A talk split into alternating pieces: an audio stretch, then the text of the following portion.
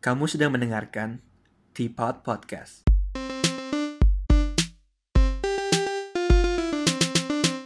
Hello, welcome back to Teapot. How you guys are doing? Jadi, hari ini gue bakal ngomongin soal yang lebih santai sedikit kali ya. Gue mau ngomongin soal film Indonesia. Lebih spesifiknya, film-film yang dibuat oleh orang Indonesia atau pakai bahasa Indonesia. Uh, gue kepikiran topik ini karena sempat nonton film Parasite ya. Dan mungkin kalian semua udah pada tahu, film Parasite itu adalah film dari Korea Selatan yang berhasil mendapatkan piala Best Pictures di ajang Oscar.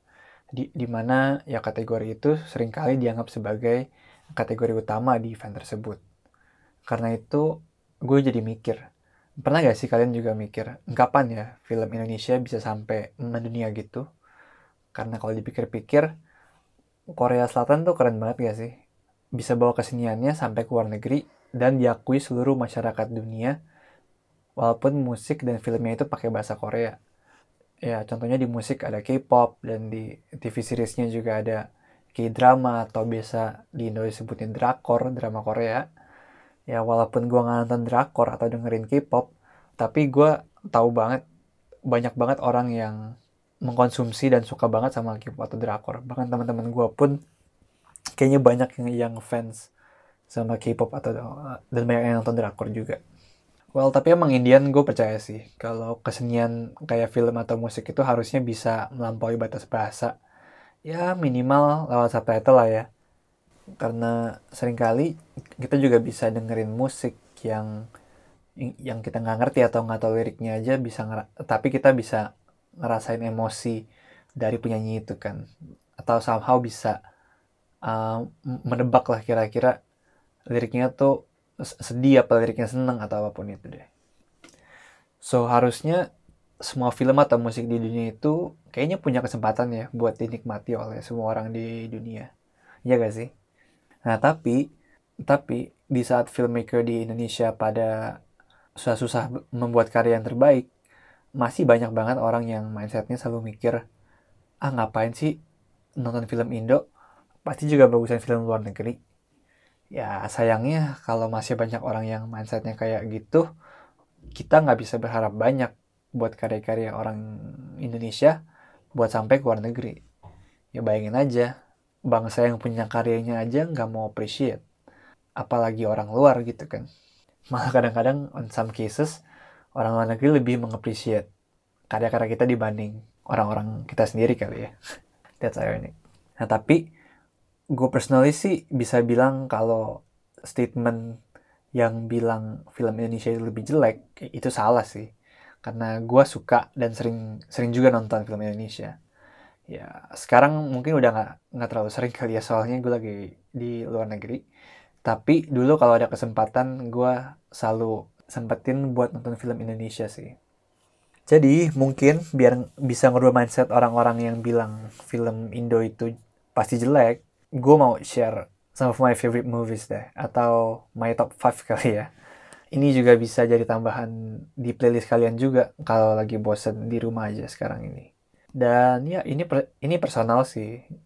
Karena film film favorit kan pasti tergantung selera juga ya.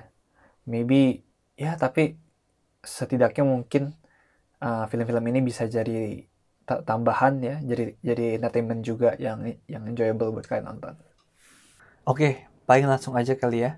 Film pertama yang gue rekomendasi judulnya adalah Nanti Kita Cerita Tentang Hari Ini atau singkatannya NKCTHI. Jadi gue pertama kali came across uh, film ini itu gara-gara ada salah satu, salah satu temen gue dia pernah nge-share post dari dari Instagramnya NKCTHI. Jadi Insta page-nya itu kayak apa ya? ngepost soal kata-kata bijak bukan kata bijak juga sih lebih apa ya kayak tumpahan pikiran dalam bentuk uh, kayak semacam puisi tapi bukan puisi apa nama itu ya ya pokoknya coba kalian bisa cek sendiri deh di at nkcthi di Instagram juga. Jadi karena gue tertarik sama yang uh, narasi dan tulisan-tulisan seperti itu gue kira jadi follow juga Instagram itu kan. Dan ternyata mereka uh, ngerilis film yang tayang uh, pada awal Januari ini uh, tahun 2020 dan kemarin untungnya gue sempet balik ke Jakarta waktu Chinese New Year. Dan untungnya film ini masih ada di bioskop jadi gue sempet nonton film ini juga. Dan gue benar-benar rekomen banget sih buat kayak nonton film ini. Soalnya film ini menurut gue keren banget bagus banget penulisannya. Dan ya mungkin gue bukan film expert or anything. Uh, jadi gue nggak bisa komen dari uh, dari kamera shotsnya atau angle-nya. Tapi dari sisi cerita sih gue gue rasa kena banget ya emosinya itu. Dan kalau gue bisa rangkum uh, ceritanya tentang apa tanpa berikan spoiler kali ya jadi ceritanya tuh pokoknya film ini bercerita soal konflik di sebuah keluarga uh, di mana bapaknya berusaha sangat keras banget buat ngasih yang terbaik ke anak-anaknya. Nah, tapi karena dia berusaha terlalu keras untuk memberikan yang terbaik, kadang-kadang dia jadi uh, suka terlalu mengontrol anak-anak pilihan anak-anaknya juga dan sampai dia lupa juga bahwa mereka itu sebenarnya punya eh, pemikiran dan perasaan mereka masing-masing gitu. Dan salah satu premis yang menurut gue keren banget dari film ini adalah uh, ketika dari awal film pokoknya udah dibilangin tuh uh, dia percaya bahwa semua yang terjadi sekarang itu pa pasti ada hubungannya sama yang terjadi di masa lalu dan dari sana juga gue rasa keren banget uh, direkturnya itu sempat bikin scene di filmnya itu bolak balik kayak ada yang tahu-tahu flashback ke masa lalu, habis itu balik ke masa sekarang lagi, balik ke masa lalu lagi. Dan tapi kalau kalian perhatiin nanti di filmnya juga itu di setiap scene flashback itu kita jadi sedikit lebih tahu kenapa uh, karakter-karakter ini tuh melakukan hal yang mereka lakukan di masa sekarang gitu. Jadi jadi kita bisa ngelihat sedikit demi sedikit pemikiran eh sedikit demi sedikit kejadian apa aja yang yang bi yang mengarah ke tingkah laku mereka di masa sekarang ini gitu. I think itu keren banget sih. Uh, dan eh, mungkin segitu dulu aja kali buat sinopsisnya kali. Gue takutnya kalau uh, lebih banyak lagi malah akhirnya jadi spoiler dan jadi kurang enjoyable. Soalnya kalau kalian lihat poster filmnya juga itu dia pakai hashtag setiap keluarga uh, punya rahasia. Jadi nanti bakal ada rahasia yang yang pokoknya menyebabkan banyak konflik di keluarga mereka itulah. Jadi kalian nonton aja sih uh, buat lebih tahu lebih lanjutnya.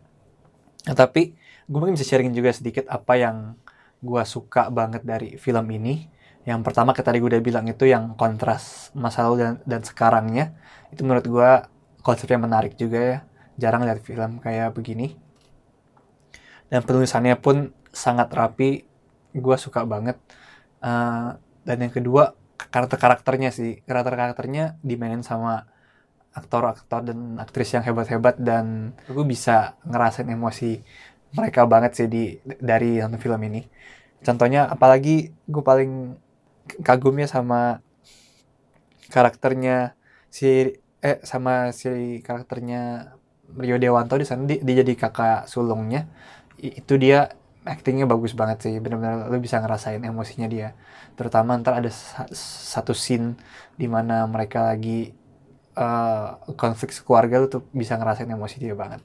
Terus sama yang mainin bapaknya juga uh, namanya kalau nggak salah Doni Damara dia juga keren banget uh, mempotret karakter itu di filmnya. Jadi bapak yang sangat tegas dan ternyata dalam hati itu dia menyimpan banyak rahasia lah gitu.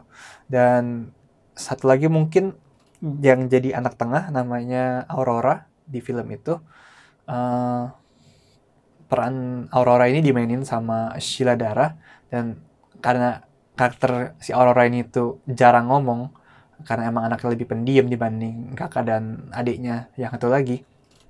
Tapi uh, dari nonton film ini tuh dari lihat ekspresi dia dari lihat uh, dari lihat matanya dan body language dia tuh kalian bisa tahu apa yang dia rasain apa yang dia sebenarnya pengen ngomong tapi nggak dikeluarin lewat kata-kata gitu. Jadi menurut gue keren banget sih semua pemain-pemainnya di film ini.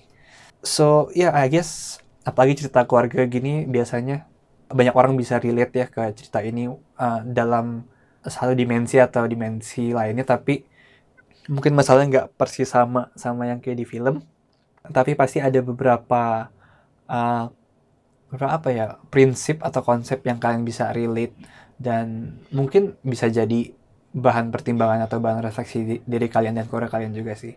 So ya yeah, gue sangat rekomend kalian buat nonton film NKCTHI tapi mungkin gue belum tahu sih ini udah keluar di streaming platform atau belum karena lumayan baru ya So, pantau terus saya, tapi gue sangat rekomend film ini sih.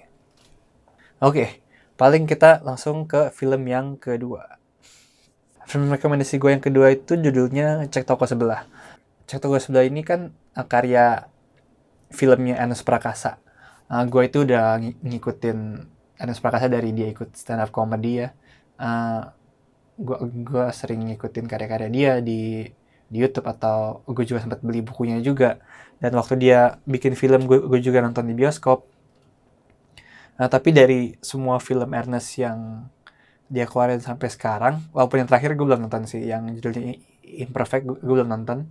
Tapi sampai yang sebelum Imperfect itu gue paling suka film yang ini sih judulnya Cek Toko Sebelah. Ya jadi in a nutshell ceritanya tuh ada seorang bapak yang berketurunan Tionghoa terus bapak ini tuh punya dua anak dan dia punya satu anak favorit. Karena bapak ini udah tua dan mau pensiun dia mau anak favoritnya itu buat ngelanjutin toko yang dia punya.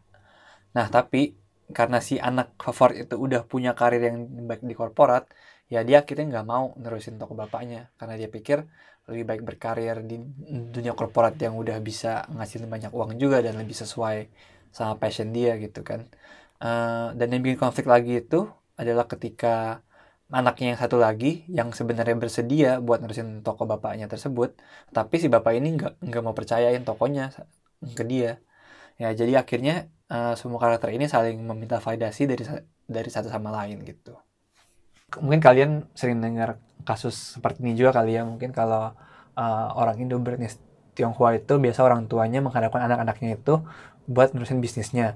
Padahal mungkin di zaman sekarang banyak eh, orang-orang uh, yang udah berkarya dengan baik di dunia korporat dan akhirnya malah sebenarnya nerusin bisnis orang tuanya karena mungkin beda passion atau apa pun itu. Dan semua hal ini tuh dieksplor di film ini.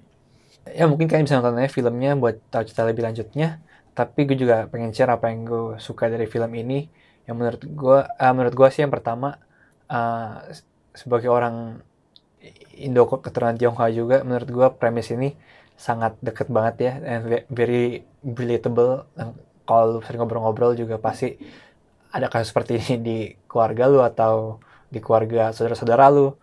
Dan pasti ini ya cerita yang menarik uh, salah satu perspektif yang menarik juga buat kalian refleksiin sih. Dan soundtracknya gue juga suka banget di filmnya soundtracknya salah satunya dari GAC yang judulnya berlari tanpa kaki. Pas dimainin di salah satu scene di filmnya itu menurut gue kena banget lagunya dan it's uh, gimana ya, very emotional song very emotional scene. Menurut gue itu well placed well chosen juga sih. Jadi ba bagus banget menurut gue dan satu lagi mungkin gue suka banget karena ini film komedi kan ya and dalamnya banyak stand up comedian juga mereka mainin perannya bagus banget. Gue paling suka satu scene di meja makan yang ada satu anaknya sama teman-temannya lagi ngumpul gitu. Mereka sering tektokan ngomongin hal yang nggak penting tapi lucu gitu. Uh, mungkin nanti kalian bisa nonton sendiri buat lebih tahu joknya yang mana. Daripada gue ruin uh, antisipasi nonton komedinya mungkin kalian yang di set sendiri yang paling lucu yang mana. Tapi uh, I really recommend uh, kalian semua buat nonton film ini sih. Nah, jadi film ketiga yang gue mau uh, rekomendasiin itu judulnya Marmut Merah Jambu. Nah mungkin percaya sama gue walaupun judulnya terdengar sedikit aneh, tapi filmnya lucu dan menurut gue bagus banget. Jadi film ini tuh karyanya Raditya Dika, uh, seorang komedian dan penulis juga kalian kayak harusnya tahu sih siapa itu Raditya Dika jadi uh, kalau gue bisa rangkum sedikit ceritanya itu ini cerita dua anak misfits ya di sekolahannya. Mereka kayaknya ngebet pengen populer karena pengen punya pacar pas di, pas di SMA dan akhirnya dia sama sahabatnya itu uh, seorang anak sama sahabatnya ini mereka bikin grup detektif gitu di sekolahnya supaya mereka bisa jadi populer. Tapi sebenarnya inti dari ceritanya itu adalah gimana mereka ini saling belajar banyak soal pertemanan soal cinta juga kayak gimana cara dia mereka bisa ngontrol perasaan mereka dan lain sebagainya. Itu sebenarnya dari grup detektif ini tuh mereka belajar lebih banyak tentang diri mereka sendiri daripada uh, bener-bener cuma nakunin soal nyesain kasus doang. Dan karena film komedi ya ini menurut gue film yang sangat menghibur banget sih. Uh, eh, gue suka acting dari anak-anaknya dialognya bagus-bagus dan uh, joke-nya itu jarang banget ada yang berasa sangat dipaksain. Jadi uh, terdengar simple tapi it could make you laugh gitu. Jadi menurut gue sih uh, filmnya seru banget dan dan Indian juga ada plot twist yang menarik ya menurut gue jadi uh, gue gue udah ngikutin filmnya Aditya Dika juga. Gue nonton uh, sebagian besar dari filmnya di bioskop juga. Dan gue gue gue pikir sih film ini yang paling bagus di antara film-film dia yang lain sih. Uh, setidaknya sampai saat ini ya. Yang Mamut Merah Jambu. Oke, okay, mungkin uh, next gue juga kalau kalian suka film horor, gue bisa rekomend satu film juga judulnya Pengabdi Setan. Mungkin dah kalian udah banyak juga dengar tentang film ini ya. Ini satu karya uh, sineas ter terbaik Indonesia namanya Joko Anwar. Jadi in a nutshell itu ceritanya uh, ada seorang keluarga uh, ternyata ini akhirnya tuh diketahui karena du dulu ibunya sudah punya anak dan karena di pressure sama uh, mertuanya untuk punya anak buru-buru dan akhirnya dia menghalalkan segala segala cara buat dapetin anak gitu. Sampai akhirnya dia ikut sekte yang nggak nggak jelas yang malah menyeramkan. Dan ya akhirnya walaupun punya anak tapi Indian dia harus bayar dengan uh, diminta pengorbanannya dari uh, dari beberapa anaknya gitu. Uh, beberapa anaknya dan karena hal tersebut akhirnya keluarga mereka banyak diganggu gitu. Ya ini menurut gue sih uh, satu premis yang menarik juga ya dan banyak orang juga yang bilang sebenarnya secara nggak langsung itu film ini juga mengkritik hmm, uh, mengkritik masyarakat di mana ada kadang-kadang suka ada ekspektasi yang berlebihan untuk uh, mengontrol fase hidup orang. Pertama kalau orang udah udah menikah harus ditanyain kapan punya anak. Jadi akhirnya kadang orang di pressure punya anak walaupun mungkin mereka belum siap atau emang ya mesti tunggu waktu aja gitu.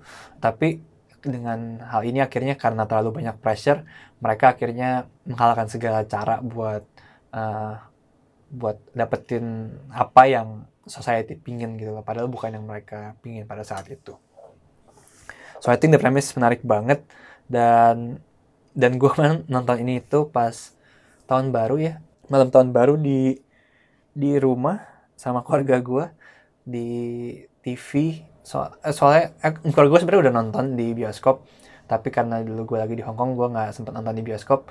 Habis itu keluar di TV jadi gue sama keluarga gue cepet nonton di TV di, di TV aja uh, scene-nya lumayan terlihat serem gitu ya.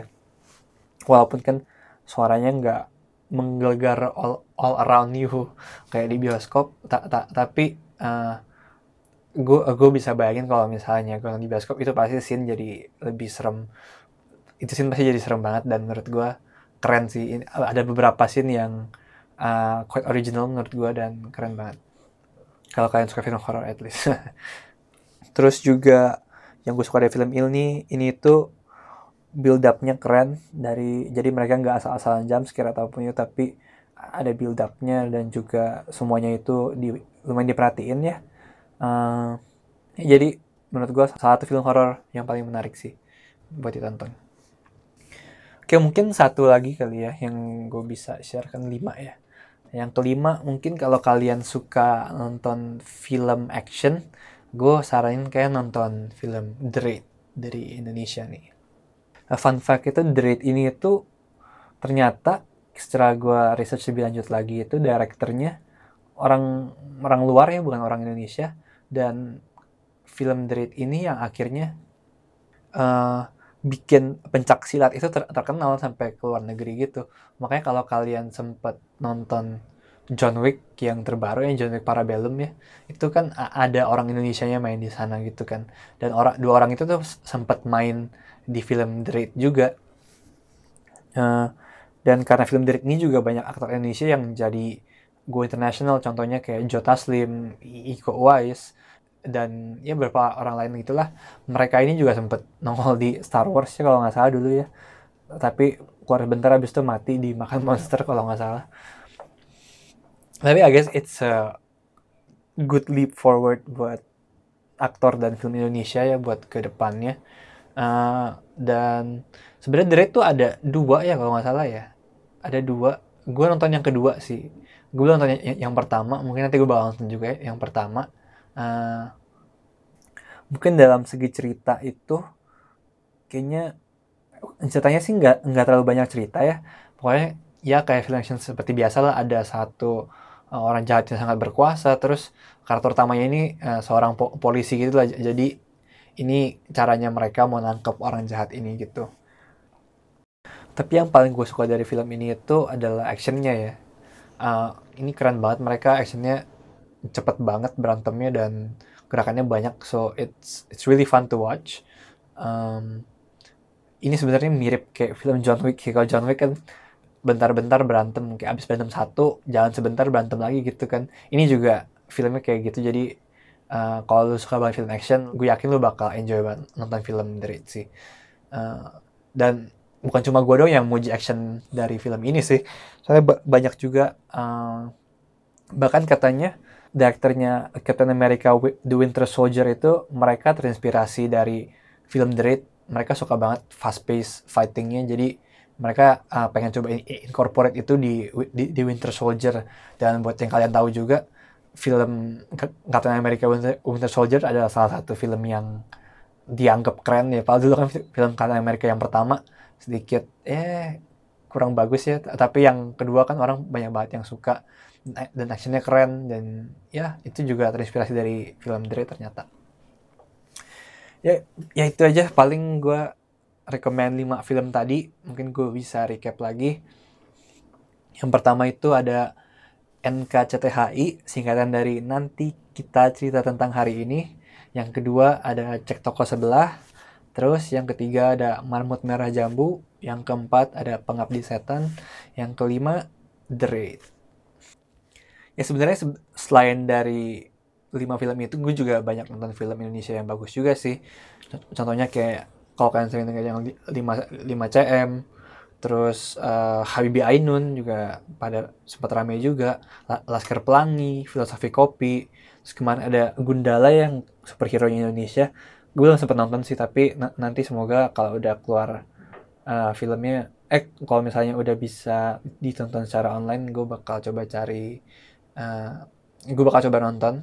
Abis itu juga katanya Korea gue juga film yang terakhir dari Anas Prakasa itu film Imperfect juga kelihatannya bagus ya. Kalian bisa lihat trailernya juga. So I guess film-film ini bisa kalian nonton kalau punya uh, online streaming platform ya yang di Indonesia atau di kalau nggak salah Netflix juga ada deh. Tapi mungkin bisa cek lagi kali. Atau ya mungkin kalau kalian punya sumber yang lain dalam tanda kutip bisa juga di ditonton di sana ya. Ya jadi gue benar-benar uh, merekomendasi kalian buat nonton film-film ini sih. So ya yeah, uh, dengan banyaknya film yang bisa gue pikirin ketika disuruh merekomendasi film Indonesia, gue rasa film Indonesia itu sudah maju ke area yang lebih baik ya. Udah banyak banget penulisan-penulisan yang baik, uh, kayaknya nanti juga dalam sektor animasi gue sempat lihat trailer satu film namanya Nusa itu dia bakal keluar tahun ini atau tahun depan ya? Itu juga katanya udah sangat maju banget. Dan yeah I guess it's a good thing that film industri kita maju ke, ke yang lebih baik sih. Karena sebenarnya kalau lu lihat market kita itu adalah salah satu market yang diincar orang luar negeri juga. Ya bayangin aja kita punya 270 juta penduduk which is a great market ini juga mungkin satu alasan kenapa artis luar negeri saya peduli dulu pas ada fenomena Om Telolet Om. Sebenarnya kan mereka nggak harus peduli kan sama Om Telolet Om. Padahal kan orang luar negeri mana ngerti sih itu Om Telolet Om. Yang nggak ada yang peduli lah. Ta tapi karena market di Indonesia itu sangat besar mereka uh, sampai bela-belain bikin konten buat kita doang buat menarik market kita itu dan yang kalau di kalau di sektor film juga kalau kalian butuh bukti lagi coba kalian search uh, The Avengers Endgame gross uh, pendapatan revenue dari Indonesia tuh gede banget sebenarnya. Di bahkan hampir setara sama negara-negara seperti Hong Kong, Singapura. Revenue yang dihasilkan itu uh, bisa bersaing dengan mereka juga ya padahal kalau kalian pikir-pikir tik, harga tiket di Indonesia itu lebih murah jauh ya dibanding di Hong Kong atau di Singapura mungkin gue kurang yakin. Kan kalau di Indonesia kan tiket 60 ribu ya kalau hari Minggu ya uh, weekend gitu. Kalau di Hong Kong itu harganya kalau di rupiah ini itu 120 sampai 140 ribu. So itu udah uh, dua kali lipat dari harga tiket di Indonesia. Dan kalau kita bisa sampai uh, grossnya hampir sama atau malah lebih dibanding di Hong Kong gitu berarti kan penonton jual penonton kita itu banyak banget di Indonesia. Dan ya sebenarnya mungkin aja nanti dengan market yang besar ini kalau kita semua mendukung uh, gerakan film-film di Indonesia kita pada akhirnya bisa juga kayak Korea kali ya bisa um, membawa karya-karya orang Indonesia ke dunia internasional gitu mungkin kalau musik udah mulai ada yang go international tapi film gue percaya nanti pada saatnya kalau misalnya kita semua mendukung sih bakal ada saatnya juga kita bisa ngeliat film-film kita diputar di layar lebar internasional juga sih. Bahkan mungkin I don't know if it's far fetched tapi bakal bisa sampai itu kali ya menang Oscar juga. Yaudah paling segitu dulu aja podcast kita kali ini nanti kasih tau gue kalian paling suka film yang mana dari semua film yang gue rekomendasiin? Atau kalau kalian punya rekomendasi film lain bisa langsung share ke kita juga? Atau ya kalau misalnya kalian pengen koreksi gue Fer sebenarnya ada yang kurang nih. Lu mesti rekomendasiin film ini juga.